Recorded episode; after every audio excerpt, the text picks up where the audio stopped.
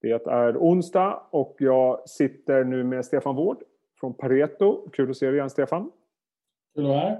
Vi ska prata lite rapporter, vi ska prata lite småbolag, men jag tänkte att vi börjar med eh, ska vi kalla det marknadssentimentet. Vi har ju sett en återupplevelse av techfrossan kan man nästan säga. Eh, inte minst igår när det brakade till ordentligt här hemma och i USA. Hur resonerar ni på Pareto kring det här? Vad, vad är liksom ni, er analys och kanske vad hör ni lite grann från era kunder och så vidare?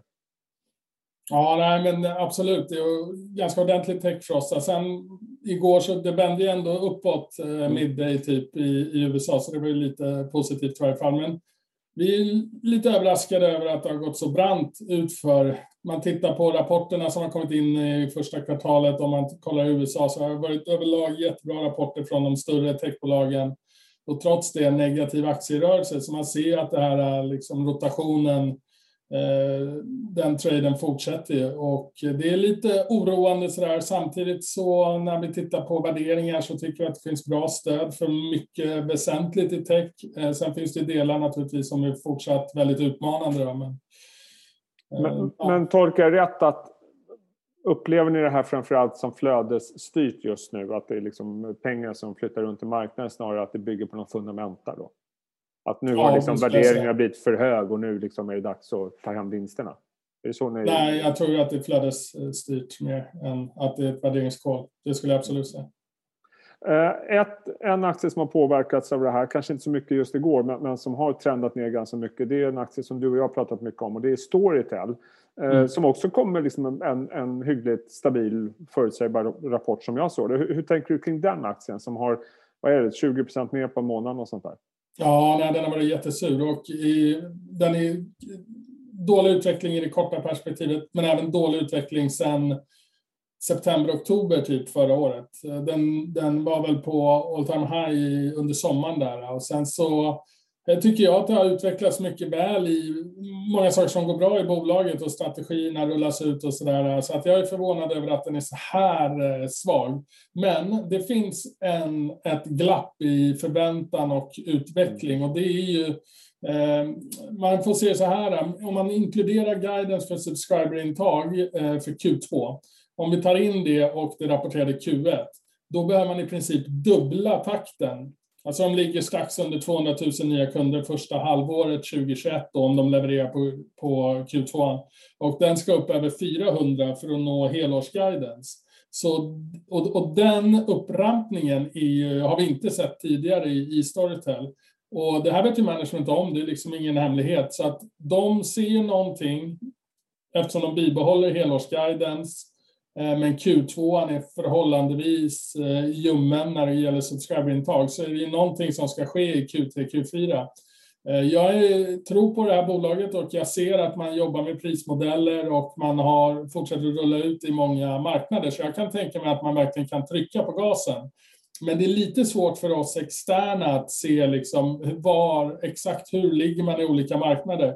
Men säg att man får till det bra i Indien, då skulle det kunna rassla in ett par hundratusen subs bara från den marknaden på, på kort tid. Liksom. Eh, och de bitarna är svåra att se och här finns det en disconnect i marknaden. Att, eh, hur, hur ska man nå det här subscriber-målet? Så att accelererande tillväxt under resten av året, andra halvåret enligt bolaget, men marknaden värderar ner aktien. Eh, tyder på att man kanske inte riktigt vågar tro på det då? Eller? Ja, det är exakt det. Att man, det, det, ska vara en accelererande tillväxt för helåret och så ser man inte det tillräckligt tydligt i Q1 eller i guidance i Q2. Ja, då blir aktien lite svag. Ja. Som jag ser så har den ju varit svag under en längre tid, så jag tyckte att det här låg hyfsat inprisat. Eh, och då var det viktigt att se, okej, okay, kommer management eh, bibehålla helårsguidance? Eh, är de konfidenta i att de kommer nå det här? De säger att det är utmanande, men att det är möjligt. Ja, det är en bra signal tycker jag, men jag noterar att marknaden är fortsatt eh, avvaktande. Då. Det, är ju, det är en nivå man får ta hänsyn till vad aktien är också. Precis som du sa så har den ju gått väldigt eh, svagt och, och, utifrån det perspektivet så ser jag det som en bra risk-reward att handla Storytel. Det är en aktie som jag tycker man ska liksom absolut äga i så här, tre till fem års perspektiv tror jag kan bli jättebra. Så man får leta efter de här nivåerna och komma in då. Eh, ska vi ta ett par eh, rapporter också. En som kom in idag det är Clean Air som jag vet att ni bevakar. Aktien var ner lite grann igår i den här techfrossan. Senast jag kollade så följde den lite grann på rapporten också. Eh, mm. om man tittar på siffrorna utifrån er förväntansbild, hur var det då? var rakt i linje skulle jag säga på försäljningen. Under en procents avvikelse. Eh, även bra på ebit-nivå som vi förväntade oss. Så vi tycker att det är en rapport i linje. Eh, orderstocken eh, växer bättre än väntat, så vi, vi ser det som en positiv rapport och ja, det, det är vår tolkning av det. Eh, sen noterar jag bara att aktien handlar ner, så att även där är det någon form av disconnect. Om man tittar på nyhetsflödet senaste tiden, man har fått order från Tyskland, tror jag, Frankrike, man fick väl Japan även i Q1. Hur viktig signal är det för Cleaner? Ja, men det är jätteviktigt. Det är, det är, att orderstocken fylls på på det här viset som vi, som vi ser är ju väldigt mm. lovande och värderingen är ju inte alls utmanande. Så att det här är ett bolag som vi ser eh, bra potential i. Sen eh, igår, eller i förrgår, eller förrgår var det så Aselio kom in med en rapport också. Jag vet inte, det är kanske inte så mycket att säga om siffrorna för det är väl fortfarande väldigt mycket en förväntansbolag, får man kalla det för det. Mm. Eh, Finns det några signaler i rapporten eller hur tänker ni kring vad man ska fokusera på framöver? Vi bockar av den här rapporten. Eh, de tog in pengar här i Q1 eh, så de är fullt finansierade tills de ska vara cashflow break-even någon gång under 2022. Eh, kommersiell utrullning i Q3 i år. Båda de bitarna är bibehållet så att säga och det är ju grundbultarna i caset. det är en jättepotential för det här bolaget framöver, så en otroligt spännande marknad. Och det blir volatilt i bolag utan några direkta earnings. Sådär. Blir tillväxtfrossa, ja, men då drabbas ett sånt här bolag. De var ju över 70, handlades över 70 i februari och nu är det ju nere mot låga 40. Så att eh, det svänger ju mycket. Va? Men eh, det är ju ingenting i förväntansbilden på några års sikt som har förändrats. Så att vi tycker att det här är ett verkligen intressant bolag eh, framöver. Hur, hur värderar man en sån här aktie som, som fortfarande har liksom det göttiga framför sig? För det, det måste ändå bli ganska svårt, för det bygger ändå på att man ska lyckas och kommersialisera och få ut de här grejerna. Ja, precis. Present value of future growth opportunities. Ja. Mycket antaganden. Men man får ju försöka skaffa sig en bild av vad eh, värdet på marknaden är och vad ett sånt här bolag skulle kunna ta ut av den marknaden och sen naturligtvis räkna hem det. Då. Men det, det är egentligen så man får bygga en värdering. Det blir det här relativspelet är inte så intressant, utan det gäller ju verkligen att hitta de här juvelerna som är välpositionerade och det anser vi att Aselio är, helt klart. Eh, båda de här aktierna, Clean och Aselio, har ju varit med på er, eller är med på er, eh, vad man kalla det, small cap-lista eller small cap-portfölj. Eh, Exakt. Om jag tolkar det rätt så är den listan med era småbolagsrekommendationer, det är liksom inte en speciellt tradingintensiv historia, utan det här är verkligen för att fånga långsiktig tillväxt, eller hur? Ja, precis. Vi har ju en ganska tydlig small cap-tilt eh, på vår research. Det är där vi är, är bäst så att säga och eh, det är där vi vill vara med vår researchprodukt. Och när vi gör det jobbet så vill vi, vi, vi ser att det finns ett, ett format att fylla och det är de här liksom, eh, att välja ut de här bolagen som kunder ska äga tre, fyra, fem år. Eh, och då finns det vissa aspekter på det. Det måste vara en bra marknadspotential, eh, bra kvalitet i affärsmodell och, eh, och framförallt ett riktigt starkt management.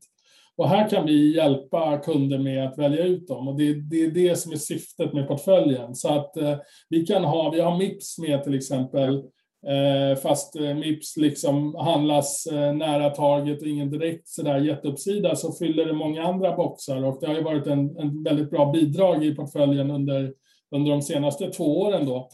Men, men sen så i och med att vi har det här långa perspektivet så kan det vara kvar fast den handlas nära target och har en hold rating.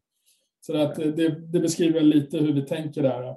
Men som du sa, Cleanar och Aselio är med och Aselio har varit en, eh, den riktigt eh, stora vinstlotten hittills i portföljen. Är, är, är det mycket fokus då på tech generellt där som det bygger mycket på framtida tillväxt eller ja. är det hälsovårdsfokus eller om du skulle sammanfatta hur det ser ut idag?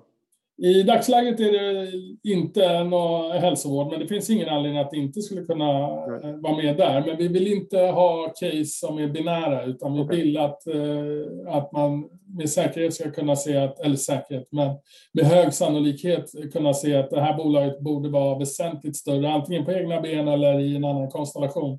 Mm. Eh, och, och, då kan det ibland vara lite vanskligt med, med healthcare eller biotech-sektorn, men det, det kan absolut vara med. Eh, så att det blir mycket, jag skulle inte säga att det är tech, men tillväxt är det okay. definitivt. Men ett bolag som Cleanar är mycket tillväxt, även om det inte är tech. Jetpack, eh, helt okej okay tillväxt också. Sen har vi en del spelbolag med Embracer och Kambi till exempel. Olika typer naturligtvis, men, men andra exempel. Storytel är med, BNB är med. Renewcell tog vi in här i Q1. Och apropå småbolag, eh, Stefan. Eh, ni har nyss nyligen tagit upp bevakning på Linas matkasse. LMK Group tror jag den officiella börstiteln är. Eh, vad ser ni i det caset? Fortfarande ganska liten eh, marknadspenetration, eller hur? Ja, låg, eh, om man ser, Norden brukar ju vara, anses vara som en testmarknad nästan för olika online-erbjudanden då eftersom vi har bra, bra infrastruktur, bra mognad hos befolkningen att handla online och så vidare. Och, men just i, i matsegmentet så kan man säga att eh, här står vi inte ut särskilt mycket mot, mot andra marknader. Det finns andra länder som har kommit väsentligt mycket längre. Så vi tror att det kan finnas en, en strukturell underliggande tillväxt för själva online-penetrationen inom matsegmentet, matmarknaden. Mm. Eh, och där ser vi mealkit-lösningar som ett naturligt subsegment. Och i det segmentet så har Linas en väldigt bra position. Eh, sen tycker vi att de har mycket starkt management, eh, vdn är klockren. Eh, fin affärsmodell, eh, bra track record här eh, och, och, och är på en, eh, på, en, på ett, en bra tillväxtresa som vi bedömer det. Eh, och sen är ju aktien är ju väldigt lågt värderad så att det, det är också en komponent i det varför vi gillar Linas. Och aktien handlas idag, det är väl någon krona eller två under teckningskursen om inte jag är helt ute och cyklar. Hur ser ni på aktien? Du sa att den var lågt värderad. Ja, nej, men den är, det är låga multiplar om man ser till, eh, till vinsttillväxten. Så att, eh, och det är intressant. Man får en bra online-exponering i en marknad som väntas ja, ha en stark tillväxt av, till låga multiplar. Så det, det ser vi klart positivt på.